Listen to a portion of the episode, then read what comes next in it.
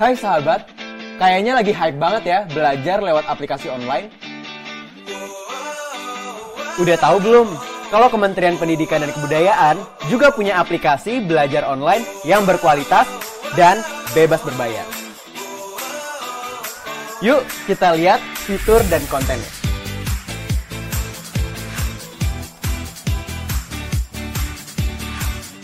Mau coba simulasi percobaan pelajaran sains tanpa harus ke laboratorium beneran? Kamu bisa coba fitur Lab Maya.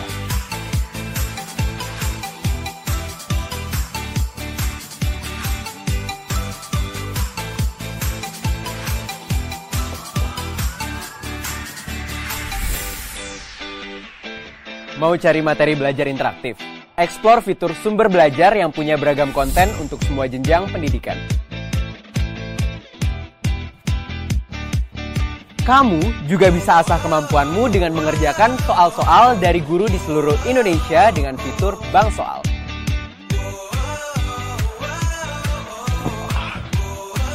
Ada juga fitur kelas digital atau kelas maya yang bikin kamu bisa ngikuti kelas secara online.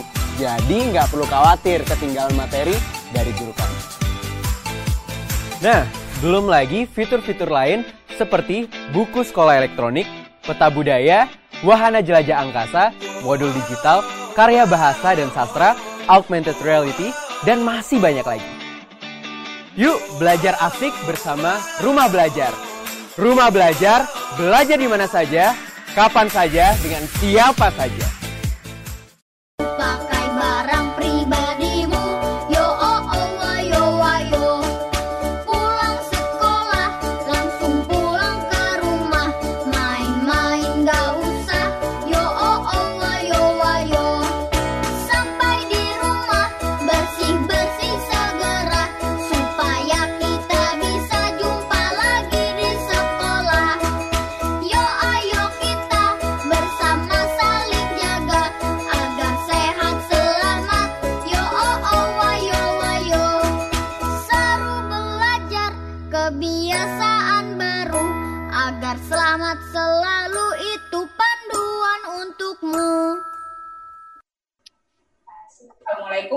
Warahmatullahi wabarakatuh. Salam sejahtera, Swastiastu, Salam Sejahtera.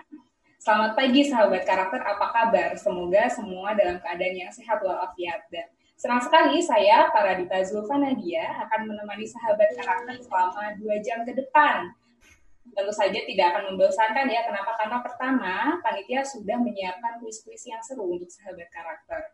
Kemudian yang kedua, sudah disediakan juga hadiah yang berlimpah. Dan yang ketiga tentu saja kita akan dibersamai oleh narasumber-narasumber yang luar biasa. Luar biasa apa narasumber kita pada pagi hari ini kita sapa dulu saja. Yang pertama ada Mbak Olivia Zalianti. Halo, selamat pagi Mbak Olive. Selamat pagi Mbak Olive. Beliau adalah public figure dan juga duta anti narkoba, sahabat karakter. Halo, selamat pagi Mbak Olive kita eh, ke berikutnya dulu ya. Sepertinya Mbak Olive sedang mengalami gangguan teknis. Berikutnya ada Ibu Eva Fitri Wanita, yaitu Kepala Seksi Pendidikan bidang pencegahan Badan Narkotika Nasional. Selamat pagi Ibu Eva. Pagi Mbak Dita, apa kabar? Alhamdulillah baik. Selama ini cuma bisa berkomunikasi lewat WhatsApp ya Bu ya. Ya betul. Akhirnya bisa bertatap muka dan ngobrol dengan Bu Eva. Senang sekali saya hari ini. Alhamdulillah. Iya, nanti Ibu akan menjelaskan banyak ya terkait tentang narkoba dan bahaya-bahayanya. Kami sangat menantikan hal tersebut, Ibu. Betul, iya. Kemudian nanti yang ketiga ada Fajar Alfian, atlet bulu tangkis muda berprestasi yang akan bergabung bersama kita. Nanti, tapi eh, kita akan sapa dulu Bapak Hendarman, yaitu Kepala Pusat Penguatan Karakter. Selamat pagi, Bapak. Selamat pagi Mbak Ara. Assalamualaikum. Sehat Mbak Ara? Alhamdulillah, Bapak bagaimana? Alhamdulillah. Alhamdulillah sehat. Senang sekali. Setelah sekian lama nih saya bisa memoderi Pak Hendarman lagi. Siap, siap.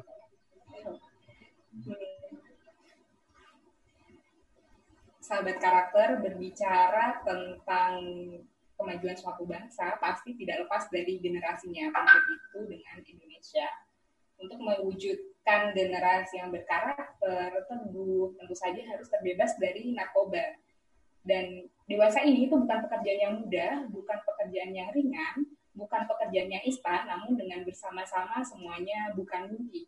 Jadi terima kasih loh sahabat karakter sudah bersama-sama dengan pusat penguatan karakter untuk mencoba menghadirkan peran yang kita bisa, salah satunya dengan mengikuti webinar pagi ini. Kalau tadi di awal saya sudah menyapa para narasumber, maka pengantar ini khusus untuk menyapa sahabat karakter di seluruh Indonesia, baik dari Sabang sampai Merauke, dari Aceh sampai Papua, yang sudah bergabung bersama kami melalui Zoom, melalui YouTube, maupun melalui Radio IJ, Radio Edukasi, dan Radio Edukasi. Salam hangat dari Pusat Penguatan Karakter. Berikutnya tidak perlu berlama-lama, kita akan segera menginjak acara yang pertama, yaitu pengantar dari Kepala Pusat Penguatan Karakter tuan rumah kita bersama. Beliau adalah pimpinan sekaligus guru saya sejak masuk di Kementerian Pendidikan dan Kebudayaan. Selamat pagi Pak Hendarman. Selamat pagi Mbak Ara. Assalamualaikum. Waalaikumsalam Bapak. Bapak mohon diberikan sepatah dua patah kata pengantar Bapak untuk mencerahkan dan menceriakan kita pagi hari ini. Silakan Bapak. Ya, terima kasih Mbak Ara. Bismillahirrahmanirrahim. Assalamualaikum warahmatullahi wabarakatuh. Salam sejahtera, Om Swastiastu, Nama Budaya, Salam Kebajikan, Rahayu, Salam. Selamat pagi sahabat karakter. Mudah-mudahan masih tetap betah bersama kami dalam acara-acara webinar yang diselenggarakan oleh Pusat Penguatan Karakter Kementerian Pendidikan dan Kebudayaan. Webinar ini merupakan webinar yang kesekian kalinya, kalau tidak salah webinar ke-11 dan dalam kegiatan ini maka kami mengusung tema yaitu generasi berkarakter hindari narkoba. Uh, saya bergembira sekali pagi ini ingin menyapa para narasumber yang luar biasa ya yang sudah berkenan untuk uh, berbagi nantinya bersama rekan kita semua bersama sahabat karakter. Yang pertama, selamat pagi Mbak Olivia Zalianti. Mudah-mudahan Mbak Olivia sehat ya dari Pulau Seribu. Ya, nanti Mbak Olivia Zalianti akan berbicara berbagai hal uh, dimulai dari lingkungan beliau ya yang memang penuh dengan tantangan narkoba tapi kemudian beliau sendiri dapat terbebas dan tidak terpengaruh sedikit pun. Dan kemudian beliau malah menjadi duta narkoba untuk Indonesia. Kemudian yang kedua, saya ingin menyapa Ibu Eva Fitri Wanita. Selamat pagi Ibu Eva. Selamat pagi Bapak Pak Hendarman. Ya, salam sehat Bu Eva ya. ya. Mudah-mudahan nanti Ibu bisa bercerita ya bagaimana data yang ada tentang apa yang masalah narkoba ini dan kemudian memberikan tips-tips Ibu. Ya, tips bagaimana caranya supaya kita terutama generasi Z ya dan milenial ini dapat terhindar. Kemudian pembicara ketiga ini salah seorang yang saya juga menjadi favoritnya Mas Fajar Alfian ya. Kalau pertandingan ganda putra bulu tangkis di mana-mana, saya sering memperhatikan Mas Fajar ya. Kemudian ini luar biasa sekali. Terima kasih sudah berkenan hadir dan mudah-mudahan nanti pada saatnya dapat bergabung bersama-sama kita semua. Uh, sahabat karakter dan Bapak Ibu sekalian, Eh, kegiatan ini merupakan salah satu yang menjadi mandat dari pusat penguatan karakter, yaitu salah satu pusat baru yang dibentuk oleh Mas Menteri, Mas Nadiem Anton Makarim, selama masa beliau, dan kami diberikan mandat untuk mengkoordinasikan berbagai penguatan karakter yang dipadukan dengan hari-hari besar nasional atau hari besar agama, kemudian dengan nilai-nilai karakter, sehingga ini dapat menyosialisasikan, mengedukasi berbagai hal yang seharusnya dilakukan dan yang tidak dilakukan itu sebaiknya ditinggalkan. Dan ini juga merupakan kerjasama dengan berbagai pihak, dan ini juga akan menjadi suatu uh, bagian dari proses, karena kami juga akan mengubah paradigma dan mengubah perilaku itu tidak menggunakan hal-hal yang konvensional, tapi kami menggunakan berbagai media. Dan media-media itu tidak hanya berupa webinar, tapi kemudian juga bisa dalam bentuk video, iklan layanan masyarakat, lalu kemudian ada sinetron dan sebagainya termasuk juga komik dan uh, infografis Bapak Ibu. Jadi mudah-mudahan ini akan menjadi bagian yang dapat uh, mengajak kita semua, terutama sahabat karakter dan generasi Z ya dan milenial untuk selalu mengikuti acara kami. Dalam kesempatan ini saya juga ingin menyampaikan terima kasih yang sebesar-besarnya kepada pimpinan Pak Sekretaris Jenderal Kementerian Pendidikan dan Kebudayaan, kemudian staf khusus Menteri Bidang Komunikasi, serta para pejabat eselon 1 dan eselon 2 yang selalu mendukung acara kami dan uh, memberikan semangat kepada kami untuk melancarkan tugas-tugas kami. Dan kami juga ingin menyampaikan terima kasih kepada teman-teman di Pusat Penguatan Karakter. Tanpa kalian, maka program ini tidak akan terwujud. Dan untuk itu mari kita sama-sama tidak pernah tenang menyerah. Dan walaupun dalam situasi COVID ini kita tetap semangat, sahabat karakter juga tetap semangat, tetap menjaga protokol kesehatan, jangan lupa 3N, ya, mencuci tangan, memakai masker, dan menjaga jarak. Saya rasa itu saja yang ingin saya sampaikan dan berikutnya mari kita sama-sama menyaksikan apa yang sudah dilakukan oleh Pusat Penguatan Karakter dan para sahabat karakter bersabar ikuti terus program ini karena akan banyak hadiah-hadiah melalui kuis-kuis yang nantinya membutuhkan kecepatan untuk menjawab. Terima kasih. Wabillahi taufik wa hidayah. Wassalamualaikum warahmatullahi wabarakatuh. Saya serahkan ke Mbak Ara.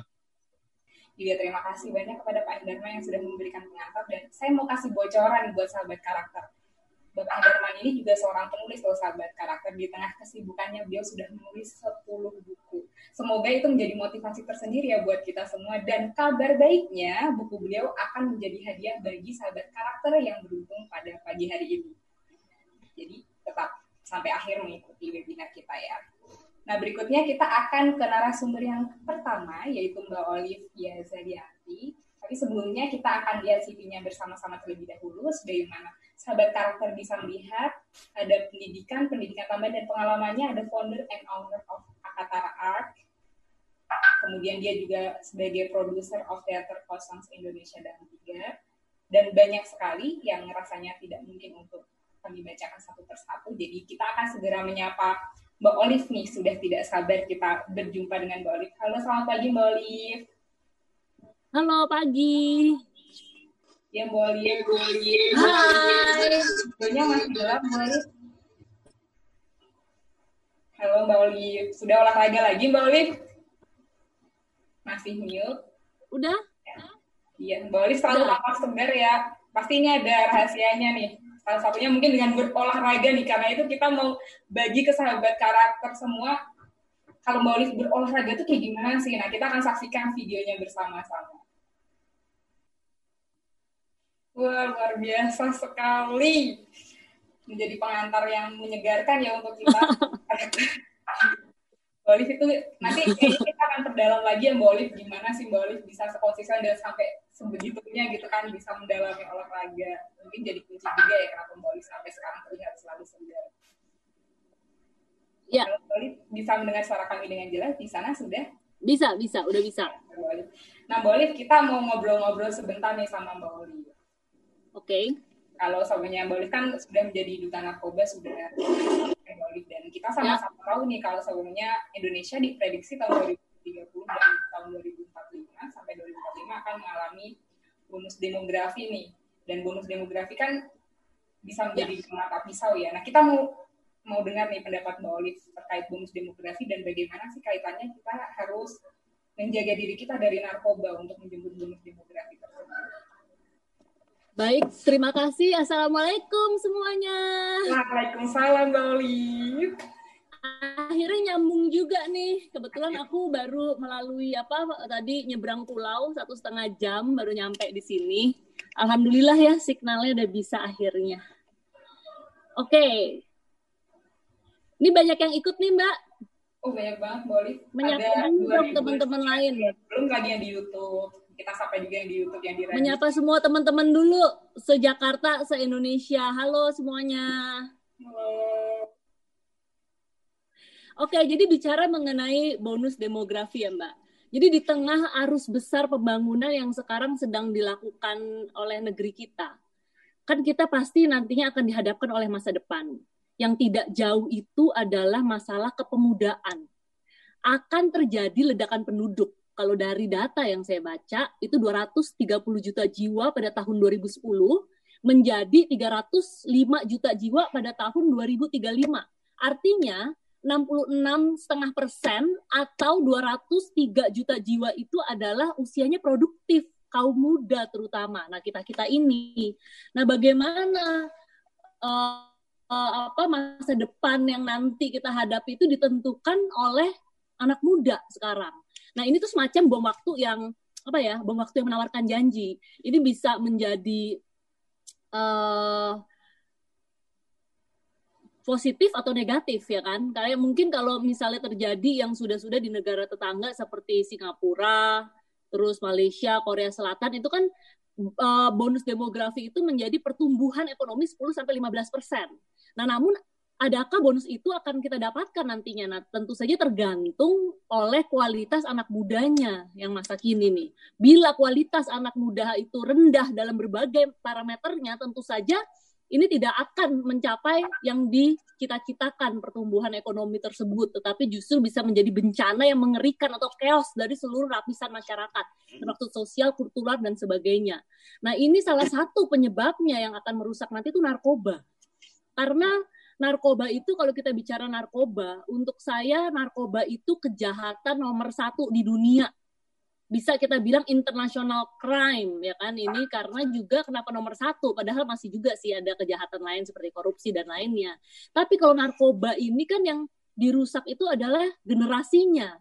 Karena pada saat kita pakai narkoba itu sel-sel kita di dalam tubuh kita sel-sel saraf terutama baik secara perlahan maupun permanen kalau udah kecanduan itu akan rusak permanen Kebayang Berarti yang dirusak tuh udah generasinya, sel-sel manusianya gitu loh, dengan narkoba ini. Jadi ya benar-benar kita itu harus waspada. Jangan sampai kecanduan. Karena narkoba gini ya, kalau kita belum nyoba memang ih ya kan, tapi kalau udah nyoba mungkin orang sulit sekali untuk berhenti gitu. Ya kan harus melewati masa-masa sulit lah sampai akhirnya berhenti dan itu juga walaupun sudah berhenti terujinya itu harus katanya lebih dari tiga atau lima tahun gitu kan baru bisa benar-benar dikatakan sembuh. Misalnya kita udah berhenti setahun, itu masih bisa loh karena udah tahu enaknya bagaimana kecanduan itu kalau bergaulnya dengan teman-teman yang masih memakai itu mungkin saja bisa terjadi lagi gitu. Nah jadi memang kita harus benar-benar menjaga diri kita masing-masing karena itu nomor satu gitu ya. E, peran keluarga tentu saja juga sangat penting karena saya sendiri itu punya pengalaman waktu saya masih berada di SMA ya, SMA. Masih duduk di bangku SMA, itu memang pada saat itu belum ada undang-undangnya. Jadi, itu saya melihat dengan mata kepala saya sendiri di kelas ada seorang guru mengajar, saya duduk, lift lift, tolong dong ke kananan, ke kirian ke kiriannya ya, ya, ya tegak dikit tegak. Pas saya nengok ke belakang lagi ngapain? Lagi pakai putau. Di kelas itu bisa pakai putau, kebayangkan gitu. Nah, bagaimana saya pribadi berada di lingkungan seperti itu, tetapi alhamdulillah sampai sekarang saya tuh nggak pernah pakai narkoba, gitu. Nah, itu memang dimulai sejak dini, sejak sekolah dasar itu saya inget banget di setiap pelajaran, baik pelajaran ilmu sosial maupun agama yang saya ngerti, yang saya inget banget agama itu sampai saya inget guru saya waktu SD namanya Pak Hanafi. Itu setiap masuk kelas itu udah apa istilahnya uh, ini makan babi itu haram gitu ya. Jadi kayak nakut-nakutin gitu kan kayak makan babi itu haram. Terus juga menceritakan bagaimana bahayanya narkoba itu kalau dikasih lihat tuh otak kita. Nah, kalau narkoba lama-lama bolong, bolong, bolong tuh kayak serem banget gitu. Nah, jadi bagaimana sebenarnya uh, kita itu mungkin yang paling efektif ya uh, bekerja sama seluruh uh, institusi atau dari sekolah dasar yang paling dasar sekali itu di setiap mata kuliah atau di setiap mata pelajaran ya kalau misalnya sekolah itu di setiap mata pelajaran kita minta waktu 3 sampai 5 menit aja untuk menjelaskan bahaya narkoba. Seperti bagaimana guru saya menjelaskan bagaimana orang Islam itu haram makan babi itu dagingnya. Nggak mati mati dengan cacing-cacing segini walaupun direbus sampai 100 derajat lebih gitu kan. Nah, jadi kita itu sebagai apa muslim juga kan melihat ih babi haram gitu. Nah, nggak mau gitu mencoba. Nah, bagaimana membuat metode metode untuk kalau Mbak sepertinya ada gangguan jaringan gitu ya. Sahabat karakter sepertinya uh, Mbak Olive masih mencoba mencari sinyal lagi ya tadi kita lihat beliau habis menyeberangi pulau katanya baiklah uh, kalau begitu sebelum sambil menunggu Mbak akan kembali lagi bersama kita kita akan coba memanggil Mbak sekali lagi dulu. Halo, selamat pagi Mbak Olive. Mbak. Oh, sudah masuk lagi. Alhamdulillah sudah masuk lagi. Olive suaranya tapi belum terdengar. Kita belum bisa mendengar suara Mbak Olive. Hai. Oh, hai. Sudah. Ya, sudah, sudah terdengar. Maaf ya mati tadi sampai mana ya saking serunya tuh cerita. Tadi tentang mas tentang bahaya narkoba gitu sih Mbak Olive udah menceritakan nih di SD sudah diajarkan gurunya nih sama Pak Hanafi tadi kalau saya tidak salah ingat namanya. Oh iya sama terus ya. Iya. Aku memang selalu bersemangat. Aku Ah, selalu bersemangat banget Mbak Olive aku kampanyekan Mbak Olive dilanjut. aku selalu bersemangat untuk mengkampanyekan untuk tidak menggunakan narkoba. Wow, iya. Da- eh, Oke. Olive Jadi gini ya, melan- ya, dilanjut dulu aja Olive silakan. baik aku lanjutin lagi. Kita mulai dari kenapa orang bisa pakai narkoba dan kecanduan gitu ya. Kalau kenapanya itu pasti banyak ya. Mungkin persoalan personal dari keluarga, punya masalah dan sebagainya. Makanya peran keluarga ini tuh sangat penting untuk pertumbuhan anak. Gitu. Yang kedua, dia pasti kurangnya percaya diri kalau saya setelah menelusuri kenapa dia pakai narkoba pasti kan dia sok mau gaul mau keren dibilang keren dibiar eh, bisa ikut-ikutan geng sama si temen-temennya gitu kan nah artinya dia kekurangan percaya diri bagaimana untuk meningkatkan kepercayaan diri seorang anak itu dengan mempunyai prestasi makanya setiap anak itu harus diasah hobinya terus disuruh ikut lomba kayak mungkin lomba nyanyi lomba puisi lomba olahraga lomba dance lomba apa pun yang dia suka untuk dapat piala itu bukannya untuk sombong-sombong tapi untuk membangkitkan rasa percaya diri mereka karena dia punya prestasi. Ye, udah udah keren nih ya kan. Jadi tanpa pakai narkoba tuh udah keren, udah percaya diri. Nah, pada saat dulu memang pengalaman saya begitu. Saya tuh waktu sekolah itu kan memang suka banget ya main basket. Jadi kayak bintangnya lapangan basket lah. Jadi udah pede banget. Nah, walaupun kita ditaruh di pergaulan kawan-kawan kita yang kebetulan pemakai gitu, nah kita pasti tidak perlu gitu atau tidak ada keinginan untuk mencoba-coba untuk hanya dibilang keren atau bisa bergaul ya dengan teman-teman yang lain. Gitu, itu satu. Halo Mbak, Kak, saya, ya, kamu mendengarkan terdengar jelas Mbak. Hmm. Jadi dari situ ya Mbak, salah satunya adalah dengan lebih menambahkan prestasi ya Mbak Olive. Sepertinya Mbak Olive-nya, ini Mbak ada ada nge-like lagi. Mbak Olive sudah bergabung lagi bersama kita. Halo Mbak Olive. hai kembali lagi. Rasanya Aduh mati-mati, maaf. Iya, nggak apa-apa, Olive. mana? Iya nggak apa-apa Mbak Olive, terima kasih banyak. Eh, saya ada ada beberapa pertanyaan lagi untuk Mbak Olive nih. Tadi makasih banget loh kalau sebelumnya kita berarti salah satunya untuk menghindari narkoba itu juga dengan menekankan prestasi dan pikiran positif ya Mbak Olive ya. Nah kita ingin tanya nih sama Olive nih. eh, Betul, tadi kan betul. Mbak Olive ada olahraga tuh ya. Kan kalau saya ikutin Mbak Olive sih kayaknya tuh kayak konsisten banget gitu olahraganya. Gimana sih cara Mbak Olive itu menjaga konsistensi tersebut dan kenapa Mbak Olive itu Iya. memilih berolahraga gitu? Oke, jadi ini olahraga dengan narkoba ini eh, adiktifnya tuh sebenarnya sama nih. Jadi yang saya baca dulu itu kebetulan ya pada saat eh, berapa tahun lalu tuh saya yang pada saat jadi duta anti narkoba itu kampanye saya itu emang untuk mengajak masyarakat berolahraga. Kenapa? Karena harus tahu dulu kenapa kita kecanduan narkoba ya. Karena ada hormon endorfin namanya di dalam badan kita itu aktif Nah, bagaimana cara mengaktifkan hormon endorfin itu? Itu ada empat cara.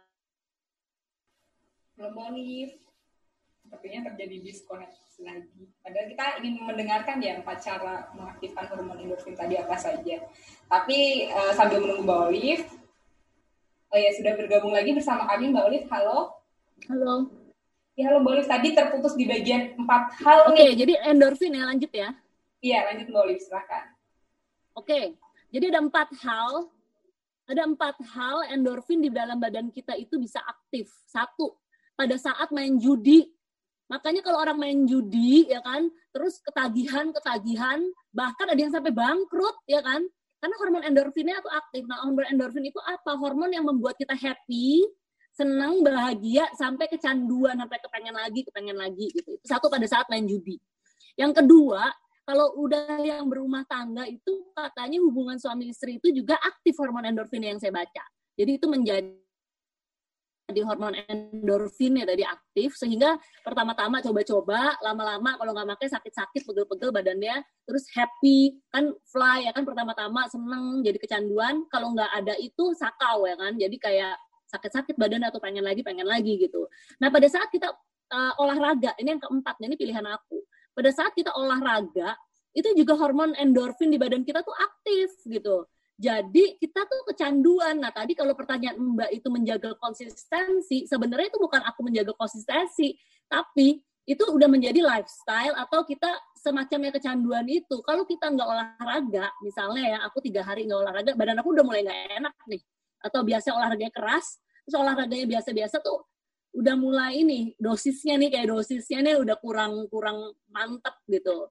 Nah jadi memang itu adalah pilihan sebenarnya bagaimana kita bisa hidup sehat, kita happy, kita ya senang karena hormon endorfin itu yang membuat kita happy dan senang ya dan bisa kecanduan untuk itu. Nah, itu aku memilih jalan olahraga. Jadi mulailah olahraga apa pun yang kalian suka, mungkin bisa mulai dari jalan pagi atau apa aja sebenarnya di rumah. Nah, kalau udah biasa keluar keringat, misalnya setiap pagi, nah kemudian besoknya uh, terus-terus pertama memang malas ya. Coba aja lakuin terus-terus sampai mungkin uh, mungkin tiga bulan itu itu menjadi habit. Kalau kita melakukan sesuatu repeat yang diulang-ulang selama tiga bulan itu menjadi habit. Nah kalau udah menjadi habit, kalau tidak dilakukan kan nggak biasa nih juga hormon endorfin kita tuh udah aktif. Jadi kita akan merasa sakau kalau istilahnya orang narkoba tuh sakau atau kecanduan. Nah aku kecanduan yang positif nggak apa-apa dong kecanduan olahraga. Gitu mbak. Oke, terima kasih Mbak Alif. Jadi uh, untuk kecanduan dalam tanda kutip yang positif gitu ya Mbak, yaitu membentuk sebuah lifestyle. Iya. Banyak yang boleh nanti kita akan bertemu lagi di akhir untuk tanya jawab dengan peserta dan juga closing statement. Terima kasih banyak Bu Alif. Benar sekali teman-teman dari Bu Alif tadi saya banyak belajar ya. Okay. Kalau iya, kalau kita itu berolahraga bukan hanya untuk menghukum atas apa-apa yang kita makan gitu ya, tapi kita berolahraga untuk mensyukuri apa yang sudah Tuhan berikan. Salah satunya adalah kesehatan baik sahabat karakter, kita akan tanya jawab lagi nih dengan Mbak Olive. Halo Mbak Olive. Iya, ternyata kita majukan pertanyaan untuk Mbak Olive nih. Karena mengingat Mbak Olive berada di pulau seberang nih, takut kehilangan lagi kita. kita akan uh, bacakan bersama-sama dulu. Eh, boleh. Ya, pertanyaan dari peserta yang sudah dipilih oleh panitia. Ada dari Muhammad Haizin saya ya. Halo, Muhammad Halo, siapa namanya? Muhammad Faizin boleh. Nah, Muhammad Faizin, halo. Apa pertanyaannya? Izin bertanya untuk Kak Olivia. Saya bacakan boleh dari Pak Muhammad. Oke, saya Muhammad. Hmm, bertanya untuk Kak Olive, apa tantangan tersendiri Kak Olive? Oke, ingin bertanya. Silakan Boli. Tantangannya apa Oke. nih? Yang pertama ya tantangannya itu tantangannya nih ya dimusuhi sama teman-teman pertamanya gitu kan. Kayak wih nanti kalau kita bandel-bandel diaduin lagi gitu kan kira-kira ya. Itu kan menjadi uh, sesuatu ini juga ya.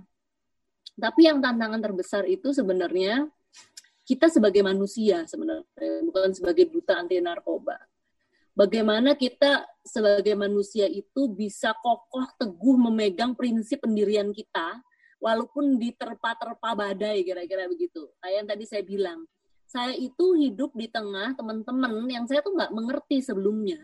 Kan saya suka nebeng ya kalau pulang sekolah gitu, karena aku sama kakak itu selalu mobilnya tuh satu supir, satu satu mobil, satu supir. Karena kita dari SD, dari TK nih, dari TK, SD, SMP, SMA, sampai kuliah, itu bareng terus sama kakakku. Aku nggak pernah pisah sekolah sama kakakku.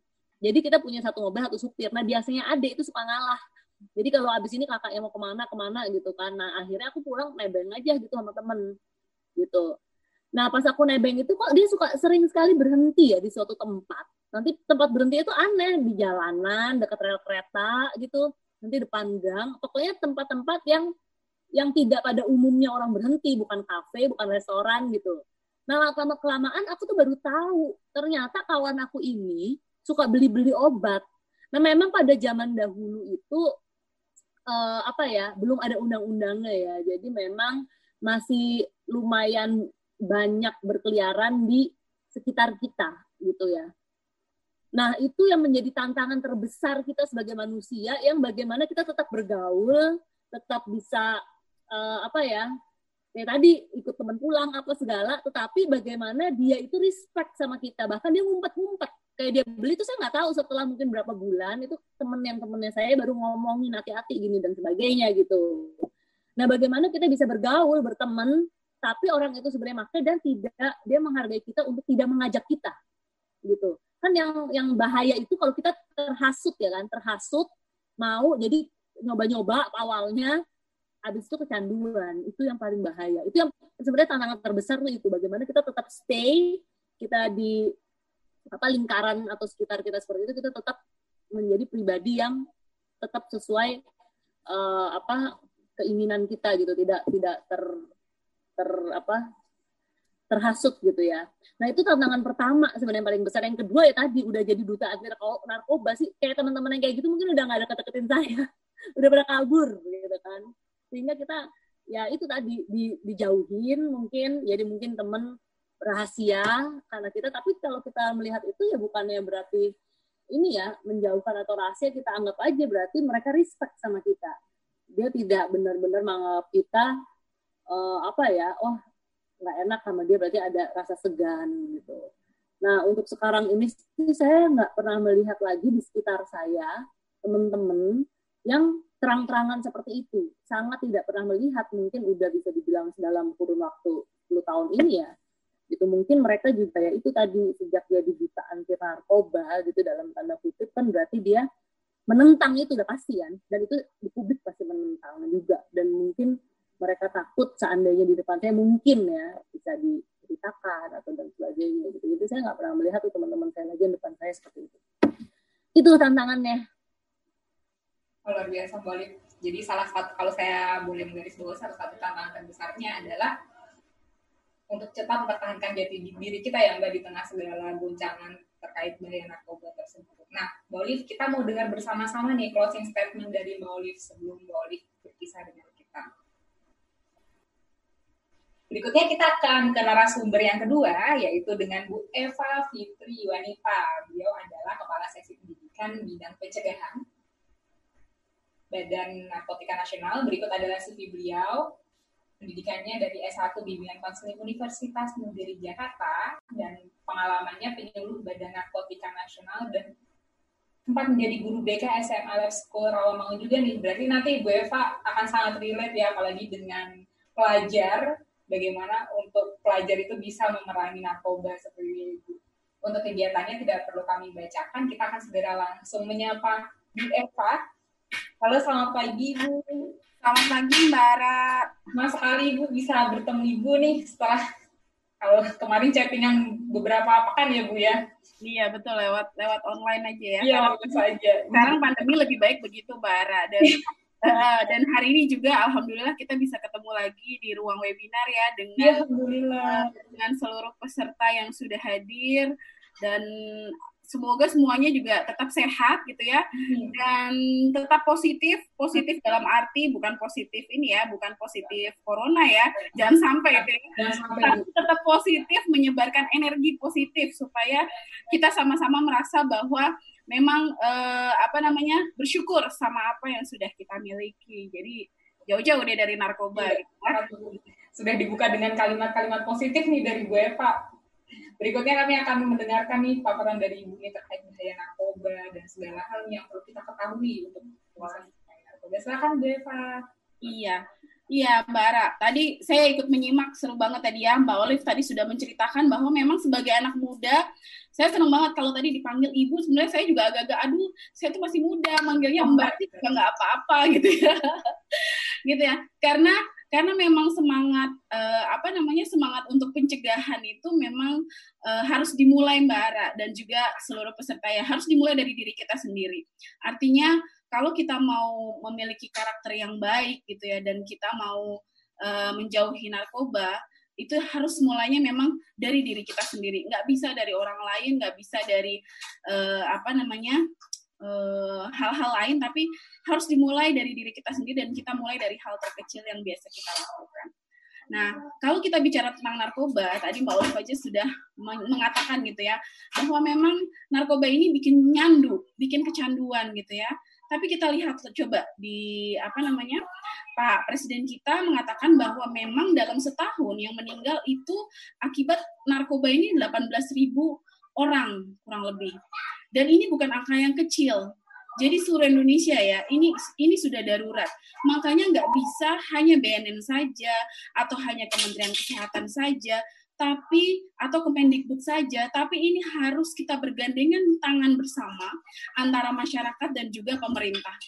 Kenapa? Karena kondisinya sudah darurat. Kalau kita lihat ya, Indonesia itu e, ciri khas dari negaranya adalah negara dengan geografis yang terbuka. Jadi banyak sekali pintu masuk yang mudah menyebarkan e, narkoba di sana ya. Jadi pintu masuk. Saya sudah slide keempat, boleh di next saja. Nah, kemudian selain geografis dan e, narkoba gitu ya, peredaran gelap narkoba ini bukan hanya menyasar orang dewasa dan remaja, tapi juga anak-anak. Tadi Mbak Olive mengatakan bahwa Indonesia menghadapi bonus demografi. Jadi jangan sampai bonus demografi ini menjadi menjadi bencana demografi bagi Indonesia. Kenapa menjadi bencana demografi? Karena kita nggak pingin masa depan Indonesia rusak gara-gara anak-anak mudanya terpengaruh sama narkoba gitu loh. Oke. Dan kemudian kalau kita lihat ya terkait demografis juga memang uh, Indonesia ini pasar potensial. Jadi kalau dulu Indonesia hanya jadi negara transit, sekarang Indonesia jadi negara uh, apa namanya sasaran untuk peredaran gelap narkoba gitu ya, untuk peredaran narkoba. Karena apa ya itu ciri khasnya orang Indonesia salah satunya itu kan masyarakatnya konsumtif ya. Nah itu itu salah satu hal yang juga uh, mengakibatkan Indonesia menjadi pasar potensial. Kemudian kerugian yang timbul akibat penyalahgunaan narkoba kurang lebih mencapai eh, angka 84,7 triliun rupiah. Mungkin sekarang meningkat gitu ya, atau masih ada kerugian-kerugian yang tidak terhitung karena tidak terlihat. Kemudian masalahnya juga adalah terkait sistem penegakan hukum yang belum mampu memberikan efek jerah kepada penjahat narkoba. Kemudian modus operandi dan variasi jenis narkoba yang terus berkembang. Itu juga menjadi salah satu masalah Nanti saya akan ceritakan kenapa kok variasi jenis narkobanya berkembang gitu ya. Kemudian narkoba ini mesin pembunuh massal atau silent killer, terutama merusak fungsi kerja otak, kerja fisik dan juga emosi. Tadi juga Mbak Olive menyinggung bahwa memang yang rusak itu syaraf syarafnya, otaknya gitu loh. Nanti kalau syarafnya sudah rusak, itu tidak bisa sembuh walaupun dia e, menjalani proses rehabilitasi. Jadi hanya bisa pulih. Nah, kalau sembuh itu kan kita kalau uh, dulu Mbak Ara mungkin pernah ini ya uh, latihan naik sepeda gitu ya, terus jatuh gitu kan, luka. Nah, habis itu lukanya diobatin seminggu kemudian sudah hilang bekas lukanya, itu sembuh, kembali seperti keadaan semula. Tapi pecandu narkoba, dia pada saat sudah rehabilitasi, dia nggak bisa kembali seperti semula karena kalau tadi digambarkan sama Mbak Olive kan nanti otaknya bolong-bolong gitu ya. Jadi ada sel-sel syaraf yang rusak yang tidak bisa kembali seperti semula. Nah, itu nanti yang akan mengakibatkan uh, apa namanya kondisi-kondisinya tidak seperti semula gitu ya, walaupun uh, sudah dari rehabilitasi. Kemudian saat ini uh, kondisinya adalah lapas bertransformasi menjadi pusat kendali peredaran gelap narkoba dan itu memang sangat menjadi perhatian kami di sini ya uh, di BNN dan juga menggerakkan stakeholder terkait terkait uh, dalam rangka penanganan lapas ini. Kemudian kalau kita lihat ya, kondisi saat ini, setiap lapisan masyarakat ini berpotensi menjadi bagian dari rantai nilai bisnis penyalahgunaan narkoba. Boleh di next slide-nya? Nah, dari masyarakat pedesaan Eh, sebelumnya, masyarakat pedesaan, petani menanam dan memasok tanaman bahan baku narkotika.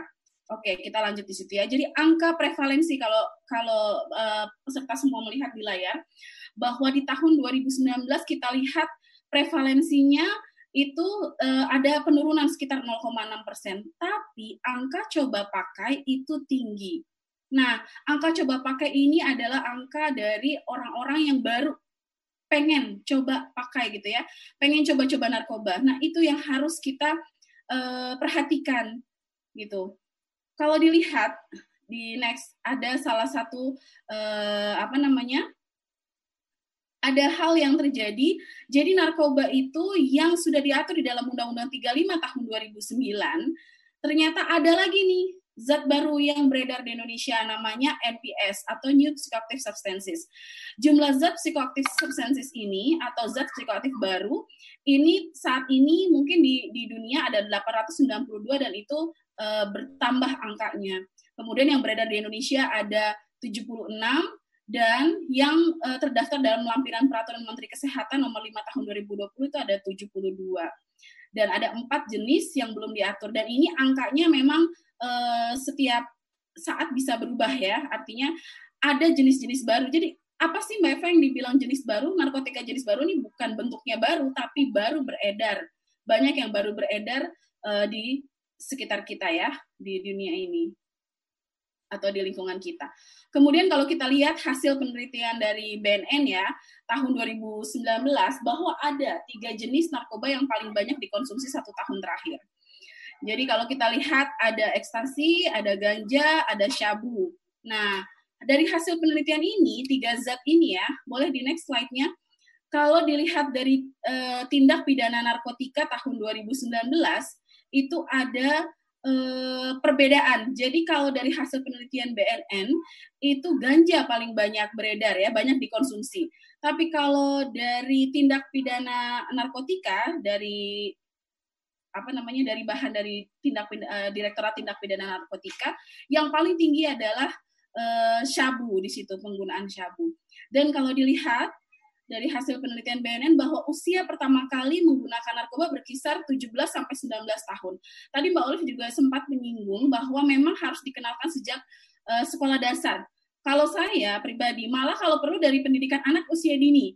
Jadi dari dari awal sekali kita harus uh, membekali orang tua dan juga membekali anak bagaimana perilaku hidup sehat yang nantinya mengarah ke uh, pencegahan narkoba dan itu kita sudah mulai merancangnya dengan Direktorat uh, Pendidikan Anak Usia Dini untuk menyusun bahan-bahan literasi yang bisa digunakan.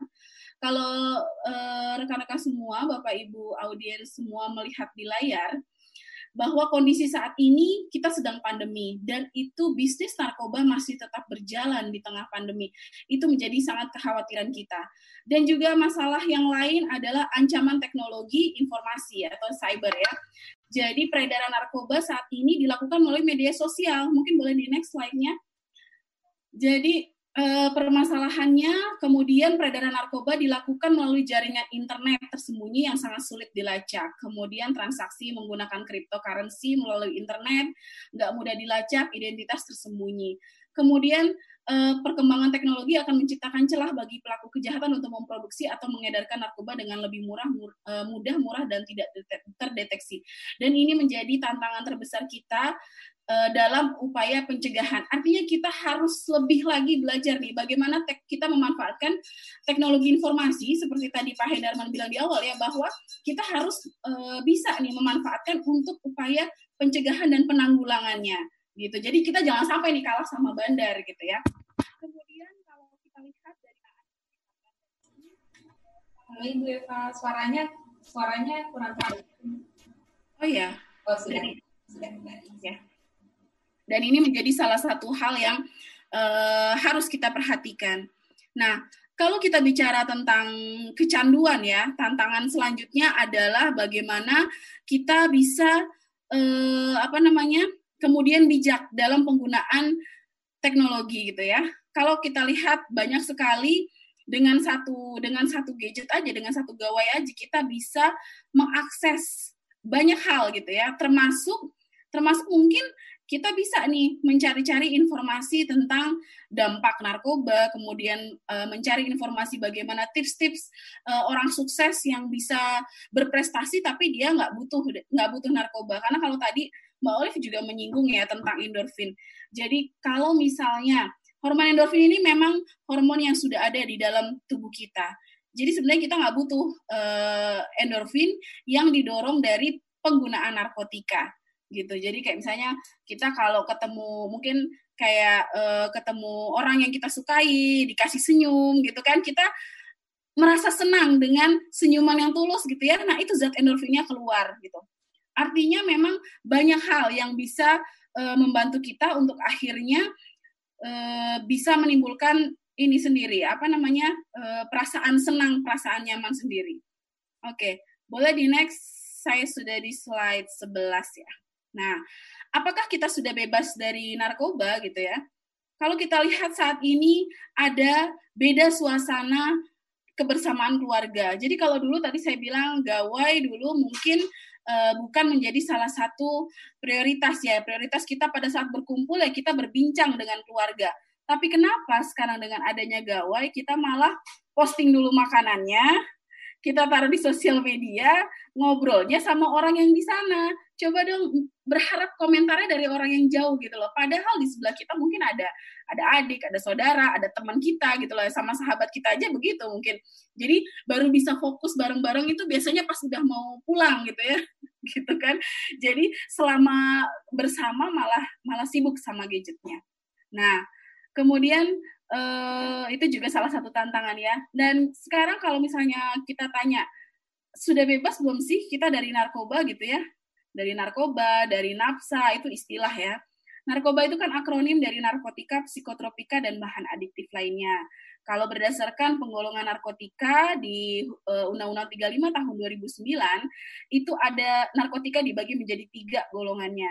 Golongan satu yang dilarang digunakan dalam pengobatan atau layanan kesehatan. Misalnya heroin, ganja, kokain, opium, amfetamin, syabu gitu ya, ekstasi itu tidak boleh digunakan sama sekali. Kemudian di golongan yang kedua dan ketiga itu digunakan e, dalam pengobatan tapi sebagai pilihan terakhir. Artinya mereka boleh yang mem, yang boleh memberikan adalah dokter ya. Contohnya morfin. Mungkin eh, rekan-rekan di sini semua peserta pernah sakit yang harus di ini ya. Kalau yang laki-laki mungkin dulu pernah mengalami eh, apa namanya sunat gitu ya. Nah itu pakai obat bius atau cabut gigi Mbak Ara ya. Itu itu perlu obat bius. Atau ibu yang melahirkan mau sesar itu juga perlu obat bius. Jadi artinya kalau kita bicara eh, penggunaan narkotika itu memang ada yang legal ada yang ilegal. Jadi tergantung bagaimana penggunaannya. Yang sama sekali tidak boleh adalah penyalahgunaannya itu nggak boleh. Karena apa? Karena nantinya akan terjadi kerusakan jaringan otak ya. Ini kita lihat di sini di gambar ini bahwa otak yang sehat itu akan berkembang. Jadi dia mempunyai fungsi kalau teman-teman tadi ya baru bergabung dengan webinar ini pasti informasinya mungkin oh informasinya masih ini ya masih masih belum banyak gitu ya. Tapi setelah dapat informasi dari webinar ini otaknya akan merespon sehingga sel syaraf otaknya akan mengembang. Jadi akan uh, apa namanya? akan berfungsi gitu ya, berfungsi dengan baik. Tapi kalau setelah itu, setelah webinar nih, ada yang ngerokok atau ada yang uh, mengkonsumsi ganja atau apa, nanti akan terjadi kerusakan-kerusakan seperti yang ada di uh, gambar ini gitu ya. Dan salah satunya perubahan yang terjadi akibat penyalahgunaan narkoba itu juga mungkin uh, bisa kita lihat di slide sini bahwa ada pengguna syabu atau atau contoh dari Whitney Houston di mana dia adalah seorang artis yang sampai sekarang walaupun sudah meninggal mungkin kita masih ingat nih karyanya dia. Karena apa? Jadi artis itu susah jadi diva itu susah butuh proses. Dan saya yakin dia melaluinya tidak dengan hal yang mudah tapi ada tiga faktor yang mempengaruhi seseorang menyalahgunakan narkoba. Yang pertama adalah faktor individu. Kalau tadi Mbak Olive bilang, kitanya harus pede, kitanya harus yakin bahwa narkoba itu nggak kita butuhin gitu ya. Dan agama juga menjadi salah satu hal yang penting bagi seorang uh, remaja, bagi seorang individu untuk untuk uh, menolak uh, kalau ada yang menawarkan narkoba. Nah, kasus Whitney Houston ini dia individunya uh, goyah gitu ya pada saat ada lingkungan terdekatnya yaitu pacarnya sendiri menawarkan kokain saat itu. Sehingga akhirnya apa? Karena ada ketersediaan barang, terus juga ada dorongan dari lingkungan terdekatnya yaitu pacar akhirnya si Whitney Houston ini menjadi pecandu dan kemudian mengalami overdosis di saat puncak jayanya dia menjadi seorang diva. Nah, hal ini yang akhirnya membuat kita harus uh, percaya bahwa memang pengaruh narkoba itu sangat-sangat besar bagi seseorang apabila dia tidak bisa menguasai atau tidak bisa menentukan pilihan tidak bisa mempunyai uh, percaya diri dalam dirinya sendiri. Kalau kita lihat ya, bagaimana bagaimana sih sebenarnya uh, penanganan penanganan permasalahan narkoba ini ya oleh pemerintah kita sudah mencoba upaya pencegahan dan kita sudah mendorong melalui Impres 2 tahun 2020. Jadi kalau kita bicara tentang bagaimana pemerintah mendorong seluruh stakeholder untuk bersama-sama melakukan upaya pencegahan, sudah ada payung hukumnya sebenarnya. Tinggal bagaimana mau nggak kita bekerja sama dengan uh, pemerintah gitu ya, dengan stakeholder lain, misalnya membentuk kampus bersinar, bersinar itu bersih narkoba, kemudian uh, sekolah bersinar, terus kita punya desa bersinar, desa bersih narkoba, tapi kan kalau tidak ada dukungan dari dari stakeholder itu hanya sekedar wacana dan kita nggak mau itu. Karena apa? Karena di desa ada anak-anak, karena di sekolah ada juga pelajar, di masyarakat ada juga eh, apa namanya pemuda-pemuda yang nantinya akan menjadi generasi penerus bangsa atau eh, apa namanya yang akan ini ya memimpin negara kita. Nah, kemudian mempromosikan pencegahan juga merupakan salah satu upaya dalam menekan laju angka penyalahguna coba pakai. Ini beberapa strategi yang dilakukan oleh Deputi Bidang Pencegahan. Salah satunya adalah kita melakukan kebijakan ketahanan keluarga anti narkoba. Dan ini kita mendorong uh, pemerintah pusat, pemerintah daerah maupun stakeholder lain untuk bersama-sama gitu ya. Untuk bersama-sama mulai dari keluarga kita sendiri. Kita membuat sebuah model ketahanan keluarga anti narkoba yang bisa nantinya ke depannya digunakan. Jadi kalau uh, seluruh peserta jadi tadi saya bilang Mbak Ara, saya ada giveaway, saya ada titipan nanti hadiah itu isinya modul. Modul ketahanan keluarga anti narkoba dan bisa dipakai di lingkungan e, masyarakat gitu ya, di lingkungan sekolah untuk upaya pencegahan di lingkungan masing-masing. Itu untuk orang tua, untuk anak dan untuk keluarga. Karena apa? Kalau kita lihat ya, terus gimana sih caranya kita sebagai pribadi gitu ya membentengi diri untuk mencegah gitu kan penyalahgunaan narkoba kalau tadi dibilang orang rusaknya dari apa namanya otaknya rusak gitu kan, terus kemudian fisiknya juga rusak. Nah sekarang kita balik dulu ke diri kita. Sudah nggak, sudah pernah belum kita merefleksi diri untuk mencegah mencegah penyalahgunaan narkoba ini? Karena apa? Karena setiap orang itu kan pasti berbeda dengan orang yang lain. Kalau kita fokus terhadap kelebihan-kelebihan kita, itu nanti kita akan mengenali diri kita gitu ya.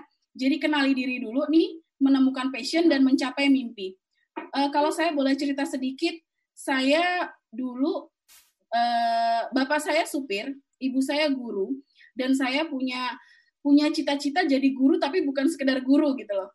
Jadi uh, kalau jadi guru saya selesai kuliah, saya sudah uh, mengajar di lab school, tapi kemudian kenapa saya akhirnya pindah ke BNN? Karena saya berpikir pada saat itu ada ilmu yang saya dapatkan dari workshop training for youth leader bahwa saya mendapatkan ilmu bagaimana kita sebagai anak muda bisa berbagi energi positif dan berbagi kegiatan-kegiatan dalam pencegahan bahaya penyalahgunaan narkoba. Nah, akhirnya saya di BNN sampai sekarang saya bergerak banyak sekali sekolah-sekolah yang bisa didatangi dan banyak sekali lingkungan-lingkungan pendidikan yang bisa kita dorong untuk kemudian bekerja sama mewujudkan sebuah uh, lingkungan yang bersih dari penyalahgunaan narkoba gitu ya. Dan itu masih terus bergerak sampai sekarang. Nah, kalau kita kalau ditanya Mbak Eva terus gimana caranya kita untuk bisa mengenali diri kita? Kadang-kadang kita nggak tahu juga gitu ya. Uh, saya nih kadang-kadang suka nggak pede. Kalau tadi Mbak Olive bilang saya pedenya dengan olahraga. Nah sekarang balik lagi, kamu pedenya dari apa? Ya, jadi uh, ini ada kami buat buku namanya Reflection. Jadi reflection ini seni berbicara dengan diri sendiri. Memang uh, ini kami buat karena karena e, pencegahan narkoba itu tidak bisa serta merta langsung hanya ke orang dewasa, tapi memang harus mulai dari dari dari dasar gitu ya. Jadi mengenali diri itu melalui hobi. Mengenali diri dengan jadi kenali dirimu dengan menyebutkan lima hal yang buat kamu senang. Ada nggak? Bisa nggak dengan gampang tuh di ini ya dijawab gitu ya. Apa saja hal yang membuat kamu sedih? Apa saja hal yang membuat kita menarik? Apa saja yang membuat kita nggak merasa pede? Nah, kalau kita masih butuh waktu lama untuk menjawab semua pertanyaan ini, berarti kita perlu mengenal lebih dekat dengan diri kita lagi. Kenapa? Kenapa sih hubungannya kalau kita nggak kenal sama diri kita terus hubungannya sama narkoba apa? Karena sekarang bandar atau pengedar itu masuk ke uh, apa namanya mengedarkan narkoba gitu ya, itu melalui misalnya permen pinter gitu kan, permen ganteng, permen cantik, instan. Narkoba itu menawarkan instan. Dan kesuksesan itu tidak bisa digapai dengan instan, butuh proses. Nah, dengan proses yang kalau kita sudah percaya dengan diri kita gitu ya, itu prosesnya bisa kita lalui dengan baik. Sehingga akhirnya kalau sudah kenal diri, kita menemukan passion selanjutnya ya. Jadi teman itu harusnya melindungi, bukan merasuki, apalagi menawari kamu pakai narkoba. Gimana cara menemukan passion? Kita menentukan hal yang membuat kita senang. Ya, kemudian kita konsisten, itu kuncinya kemudian berproses, kemudian belajar, dan jangan lupa bersyukur dan restu orang tua.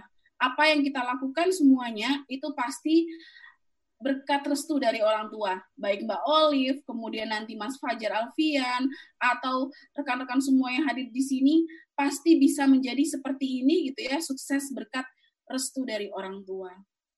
Kemudian, uh, oh ini ada ada tugas saja. Silakan rekan-rekan buat sebuah video berdurasi satu menit gitu ya. Karena apa? Karena kalau tadi saya bilang cegah narkoba mulai dari diri kita sendiri. Kita mulai dari hal yang termudah. Semua yang ada di sini pasti punya sosial media.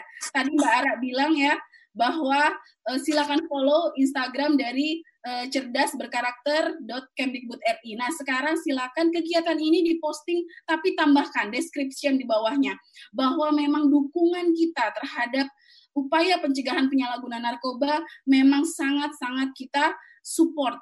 Mulai dari apa ya itu dari postingan dari sosial media itu hal terkecil yang termudah yang nggak pakai uang yang nggak pakai ongkos dan itu bisa kita lakukan konsisten secara terus menerus sehingga akhirnya apa kita bisa menyebarkan informasi-informasi edukasi terkait pencegahan bahaya penyalahgunaan narkoba kepada semua orang yang menyimak sosial media kita. Nanti kalau mereka kepo, teman-teman bingung gitu ya jawabnya boleh langsung misalnya tanya ke BNN atau DM ke uh, Instagram saya juga nggak apa-apa gitu ya. Dan kemudian, nah ini di halaman terakhir ada ada beberapa uh, boleh di next lagi satu lagi. Jadi ini memang ada beberapa bahan literasi yang kami buat untuk upaya pencegahan bahaya penyalahgunaan narkoba sejak anak usia dini. Ini adalah buku cerita, judulnya Kakak Minum Obat. Jadi kalau kita mau mengedukasi anak-anak usia dini, kita nggak langsung bilang kalau oh narkoba itu bahaya, dia nggak kenal itu narkoba. Tapi kita mulai dari obat-obat misalnya ada anak sakit panas gitu ya, terus kemudian diberikan obat sama orang tuanya gitu kan, Nah, di situ boleh kalau anaknya sakit boleh minum obat, tapi kalau adiknya melihat kakaknya sakit terus dia mau minum obat, nggak boleh dikasih.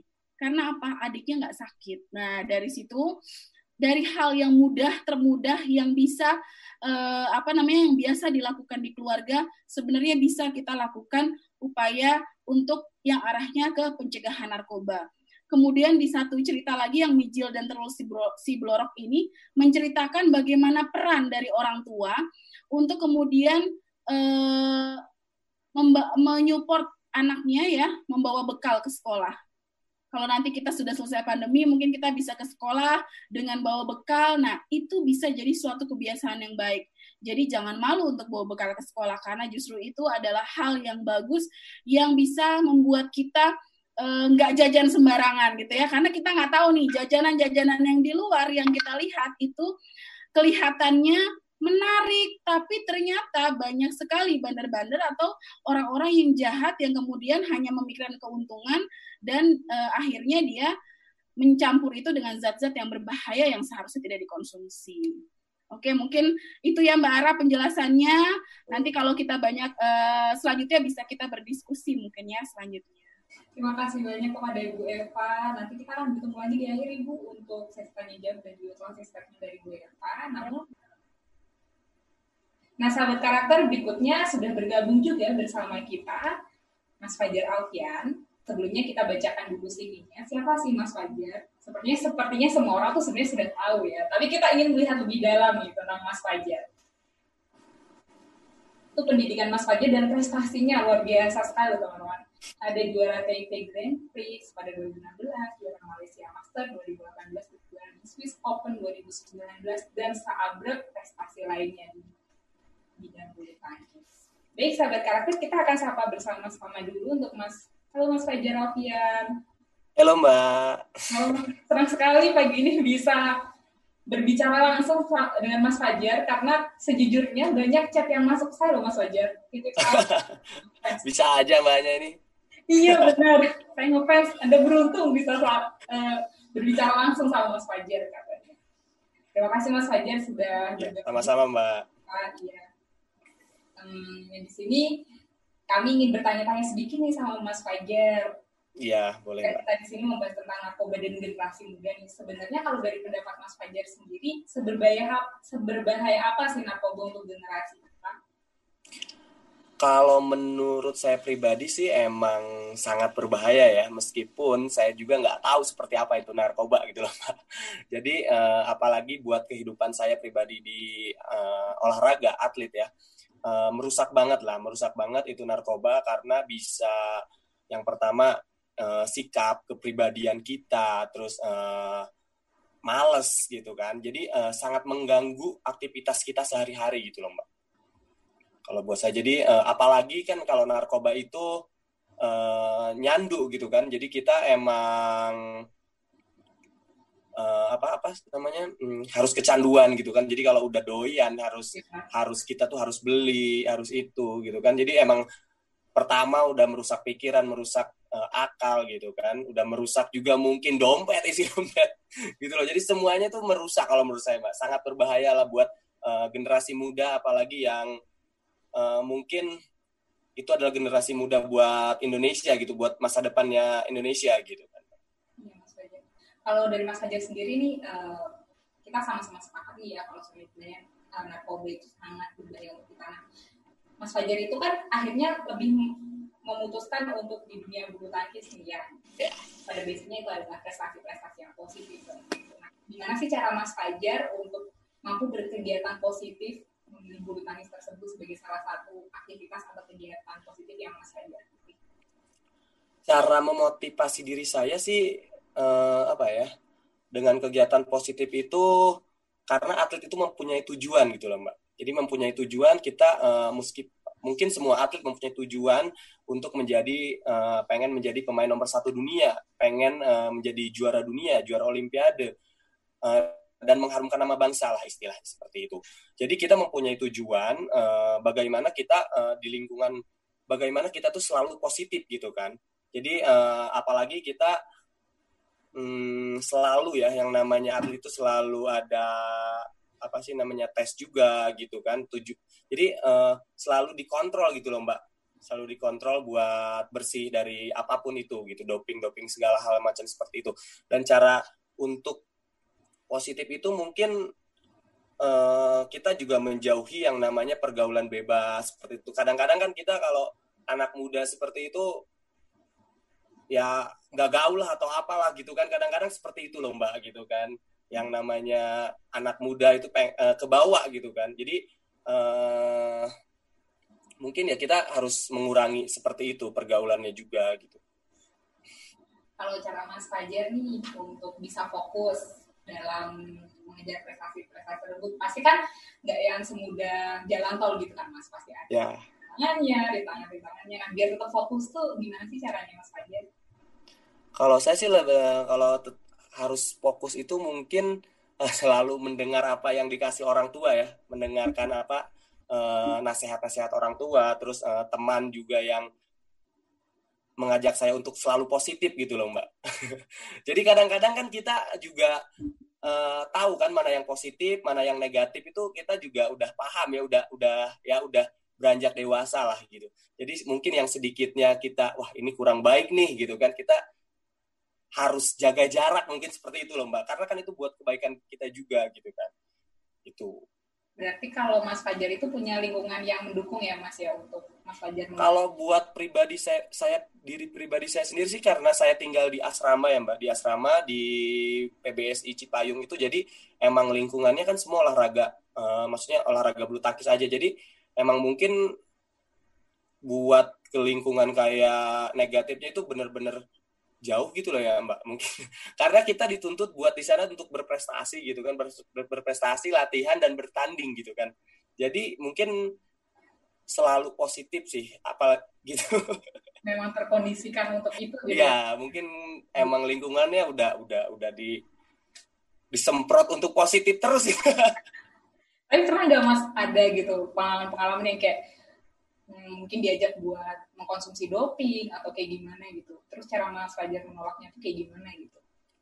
Ya mungkin kalau di dalam dunia atlet yang saya tinggal di asrama sih nggak ada ya. Tapi mungkin kayak dulu saya seperti zamannya masih sekolah seperti itu loh Mbak. Jadi uh, mau nyoba-nyoba ini itu gitu kan tapi saya sih nggak nggak nggak sampai seperti itu gitu kan saya karena ingat tujuan saya atlet dan harus menjauhi itu gitu loh mbak tapi untuk di dunia atlet sendiri sekarang di khususnya di bulu tangkis sih emang benar-benar jauh karena kita juga setiap bulan harus ada cek doping gitu kontrol selalu Oh berarti selain uh, lingkungan yang kondusif itu juga selalu mengingat tujuan awalnya Mas Fajar nih ya. Mm -hmm. Biar tetap di situ. Kalau dari Mas Fajar sendiri, ada tidak nih? Eh, pesan-pesan uh, nih pesan-pesan buat sahabat karakter di seluruh Indonesia nih untuk saya positif dan mencontoh prestasi-prestasinya Mas Fajar mungkin bisa disampaikan ke kami. Maksudnya gimana Mbak? Angkat pesan pesan surat cinta nih untuk sahabat karakter di seluruh Indonesia. Pesan motivasi nih dari Mas Fajar untuk sahabat karakter di seluruh Indonesia. Ya, uh, kalau menurut saya pribadi, uh, kalau kita nggak mau maksudnya mencoba jangan mencoba lah. Karena kalau sudah mencoba itu biasanya ketagihan gitu loh mbak. Jadi pesan saya jangan berani mencoba apa pun itu apalagi hal yang negatif gitu kan. Apalagi narkoba kita mempunyai uh, hukum gitu kan di negara kita mempunyai hukum. Emang narkoba itu merusak pikiran juga terus di agama kita juga nggak diperbolehkan. Jadi kalau menurut saya ya buat pesan-pesan buat generasi muda Indonesia ya janganlah jangan sampai mencoba gitu kan. Karena bahaya sendi bahaya banget kalau kita sudah mencoba itu takutnya candu gitu loh mbak gitu. Jadi harus stay positif itu ya mas. Ya. kalau ini mas Fajar kan terkenal nih berpasangan sama Mas Rian ya kalau ganda putra bulu tangkis ya kan. Dan uh, gimana sih cara Mas Fajar itu bisa saling support sama Mas Rian itu? Saling supportnya itu bentuknya seperti apa sih tidak hanya di lapangan ya. juga di luar lapangan gitu. Karena kita kan main di dalam lapangan tuh berdua ya. Kalau uh, men's double gitu ya. Double itu kan berdua. Jadi kita emang selalu support selalu ngingetin nggak di dalam lapangan juga. Di luar lapangan juga kita selalu mensupport apa apa kebaikan buat uh, dalam kita buat ke depannya gitu kan. Kita misalkan kayak contohnya kita selalu mengkonsumsi vitamin selalu jaga kondisi karena kita dituntut untuk berprestasi buat bangsa dan negara. Jadi saling mengingatkan dalam hal-hal yang kecil seperti itu sih pak. Jadi apa pun gak selalu dalam lapangan kita di luar lapangan juga. Kalau misalkan lewat batas kita selalu jangan seperti itu gitu kan. Kita ada tujuannya gitu. siapa saja. Kita jadi pengen kepo nih atau ingin tahu nih sebenarnya kalau atlet itu di luar di luar lapangan kesibukannya apa saja sih mas? Nah itu dia kalau dalam sekarang sih di luar lapangan ya kalau saya pribadi ya tinggal mungkin di kamar aja gitu loh mbak. Apalagi dalam kondisi COVID seperti ini kan kita kayak di lockdown gitu di asrama ya udah enam bulan sampai tujuh bulan ini kita nggak boleh keluar gitu kecuali yang benar-benar ada kepentingan yang mendesak gitu jadi kalau buat sekarang kita latihan sehari dua kali gitu kan dari pagi terus sore dan siangnya dipakai istirahat sama makan gitu. Jadi setelah latihan itu kita di kamar aja gitu loh mbak. Mungkin ya cuma ngobrol sama teman, sharing-sharing gitu. Jadi emang nggak ada aktivitas lain ya kecuali mungkin kalau sebelum covid kita uh, weekend tuh kita bisa pulang ke rumah masing-masing gitu loh mbak. kalau sebenarnya Mas Fajar nih uh, dengan segala prestasi yang diraihnya itu kan pastikan ada momen-momen ketika Mas Fajar ini katakanlah tidak juara itu kan pasti sedih gitu kan. Nah cara Mas Fajar melampiaskan kesedihan itu tuh dengan apa biasanya? Yang pertama kan itu pasti banyak banget sih semua atlet mengalami ya Mbak. Yang saya sering lakuin sih mungkin saya selalu telepon. Kalau nggak bisa ketemu selalu telepon video call sama orang tua. Itu yang harus wajib. Maksudnya saya biar apa ya kayak plong aja gitu kan biar karena kayak orang tua tuh kayak memberikan nasihat gitu bagaimana caranya buat kita bangkit kembali gitu. Dan kalau saya pribadi sih selalu uh, maksudnya tuh selalu sharing bareng teman gitu kan. Maksudnya tuh nggak nggak hanya di bulu tangkis tapi teman-teman waktu sekolah juga teman dekat. Jadi cara saya buat uh, nggak down gitu pengen cepat kembali itu seperti itu caranya salah satu caranya gitu itu bisa jadi tips trik juga ya Mas Fajar buat kita. Kalau sahabat karakter di sini ada kesedihan atau kekecewaan atau kegagalan jangan disimpan sendiri. Kita harus nah itu mbak. Jangan disimpan sendiri. Karena udah kalau udah disimpan sendiri tuh aduh pusing gitu kan. Terus kalau itu kan tadi kalau bicara tentang kegagalannya ya Mas Fajar. Kalau kemenangannya nih sekarang apa yang Mas Fajar rasakan nih ketika berhasil meraih prestasi-prestasi tersebut? Terus cara merayakannya tuh seperti apa gitu kalau kemenangan yang pasti menang itu seneng ya meskipun sedikit atau gede gitu kan. Yang pasti kita bisa membuat uh, bangsa dan negara bisa mengharumkan nama bangsa dan negara. Terus kita juga bisa membahagiakan bikin apa ya bikin puas kayak bikin bangga orang tua gitu kan. Dan yang ketiganya mungkin kita bisa mendapatkan bonus gitu buat masa depan kita. Gitu ya. Jadi rasanya ya ya kalau seneng sih mau ngapain aja seneng aja mbak gitu kan yang dilakuin aja udah seneng aja sih kalau menang ya. kalau kalah kayak tadi ya. Oh ya, kalau kalah tuh mungkin kita ya seperti itu dengan banyak cara lah kita buat uh, bangkit kembali gitu. Iya. Maaf ya Mas Fajar. Saya sudah ya. terjemah dengan jelas Mas Fajar. Ya, terdengar Mbak. Terima kasih. Uh, Terima kasih banyak tadi Mas Fajar sudah membagikan tipsnya, triknya, dan kayaknya kalau jadi atlet itu naik turunnya itu benar-benar bisa gak cuma tahunan ya Mas, bisa bulanan, bisa pekanan gitu ya. ada pertandingannya biasanya iya. berapa kali berapa bulan berapa kali gitu sih Mas kalau pertandingannya? Rata-rata itu kalau nggak ada COVID ini sebulan dua kali itu bisa pertandingan gitu kan. Jadi emang kita uh, selalu sebulan minimal sekali mungkin ya selalu pergi keluar gitu buat bertanding kalau bulu tangkis. Hmm. Semoga COVID segera berlalu ya Mas ya. Ya semoga COVID segera berlalu. Ya.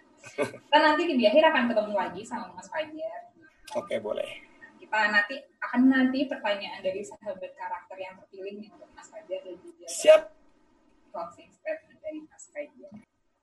Nah berikutnya kita akan masuk ke tanya jawab dengan peserta dari uh, bersama bicara dari peserta yang sudah dipilih oleh para panitia. Yang pertama, karena Mbak Olivia tadi sudah, kita akan ke Bu Eva nih, sahabat karakter. Kita akan lihat pertanyaan untuk Bu Eva. Narasumber dua. Dari Reno Sutriyono untuk Mbak Eva. Berapa lama penyembuhan orang yang sudah kecanduan narkoba agar memang benar-benar sembuh total dan proses penyembuhannya bagaimana? Halo Ibu Eva. Iya, iya, iya Mbak Ara, saya baca. Ibu Eva ada pertanyaan dari Kak Reno. Iya. Jadi Kak Reno jawabannya adalah kalau proses penyembuhan itu kan melalui rehabilitasi. Nah, proses rehabilitasi itu ada berbagai macam waktunya ya. Kalau di BNN kurang lebih 9 bulan prosesnya ya dan e, rehabilitasi itu sebenarnya pengembalian e, apa namanya pengenalan kembali kebiasaan-kebiasaan yang dilakukan sebelum dia menjadi seorang pecandu Mbak Ara. Jadi memang prosesnya kalau dibilang bisa sembuh atau enggak ya enggak bisa sembuh hanya bisa pulih jadi nantinya tetap akan ada wajib ya ada dukungan-dukungan dari support sistemnya dari keluarga dari lingkungan pertemanannya tapi yang artinya itu bukan yang mengajak dia untuk menyalahgunakan lagi seperti itu gitu. Jadi memang prosesnya harus eh, apa namanya tidak tidak singkat untuk proses rehabilitasinya. Jadi mulai dari kalau kalau rehabilitasi ada assessment, kemudian ada detoxnya, kemudian ada program-program rehabilitasi. Nah teman-teman bisa lihat di eh, apa namanya bisa lihat di ini ya di apa di websitenya BNN Mbak Ara di bnn.go.id ya. Uh, di situ ada informasi-informasi tempat rehabilitasi mana nih yang terdekat dengan kota kita atau apakah di tempat kita ada IPWL institusi penerima wajib lapor. Nah, di situ bisa tuh konsultasi bagaimana caranya ya.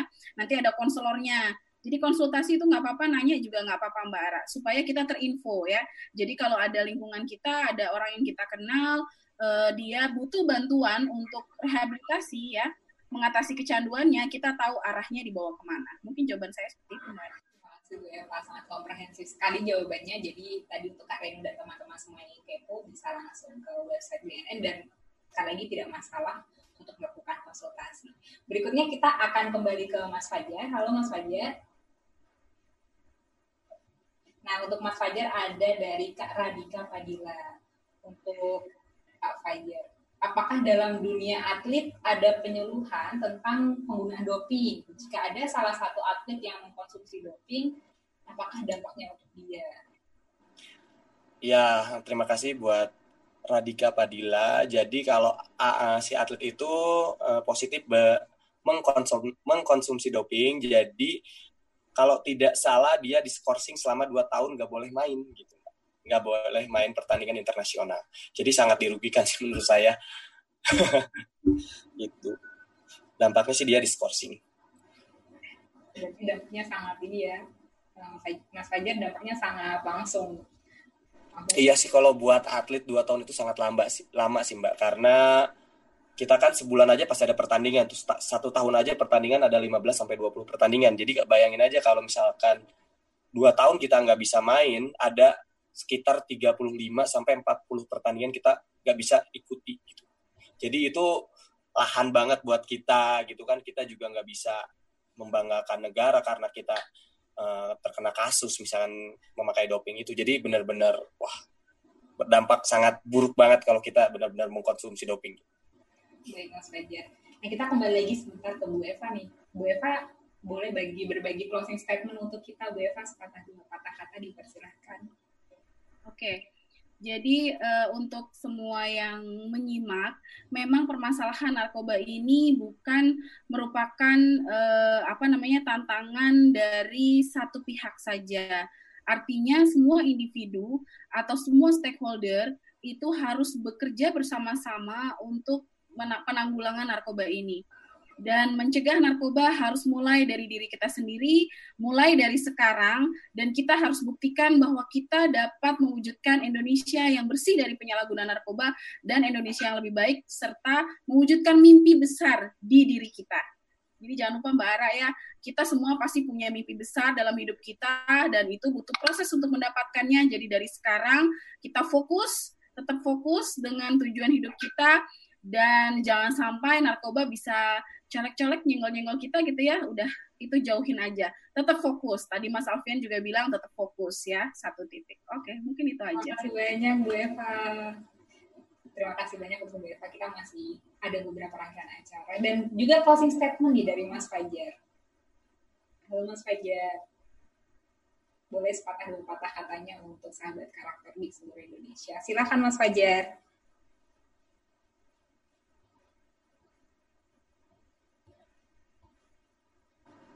Halo, halo, sorry. Iya, silakan. Ada Mbak ya. Ya, jadi closing statementnya mungkin gunakan waktu sebaik-baiknya dalam meningkatkan aktivitas dan kreativitas yang bersifat positif gitu Mbak. Dan jangan selalu berdoa kepada Allah, itu aja sih. Jangan lupa selalu berdoa kepada Allah, itu luar biasa. Terima kasih untuk gue pada Mas Fajar. Terima kasih.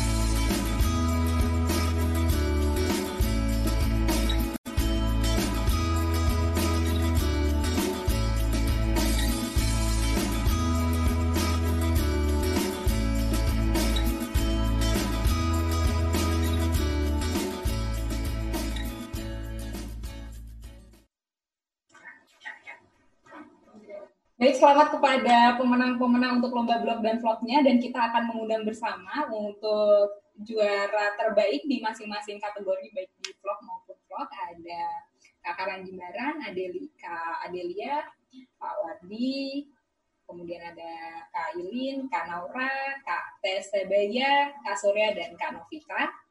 Selamat bergabung bersama kami. Dan juga kami undang Bapak Dede Surya Bapak Dede Suryama selaku koordinator webinar dari Pusat Penguatan Karakter. Kita akan sedikit berbincang-bincang ya sahabat karakter dengan para pemenang yang akan dibersamai oleh koordinator webinar Pusat Penguatan Karakter.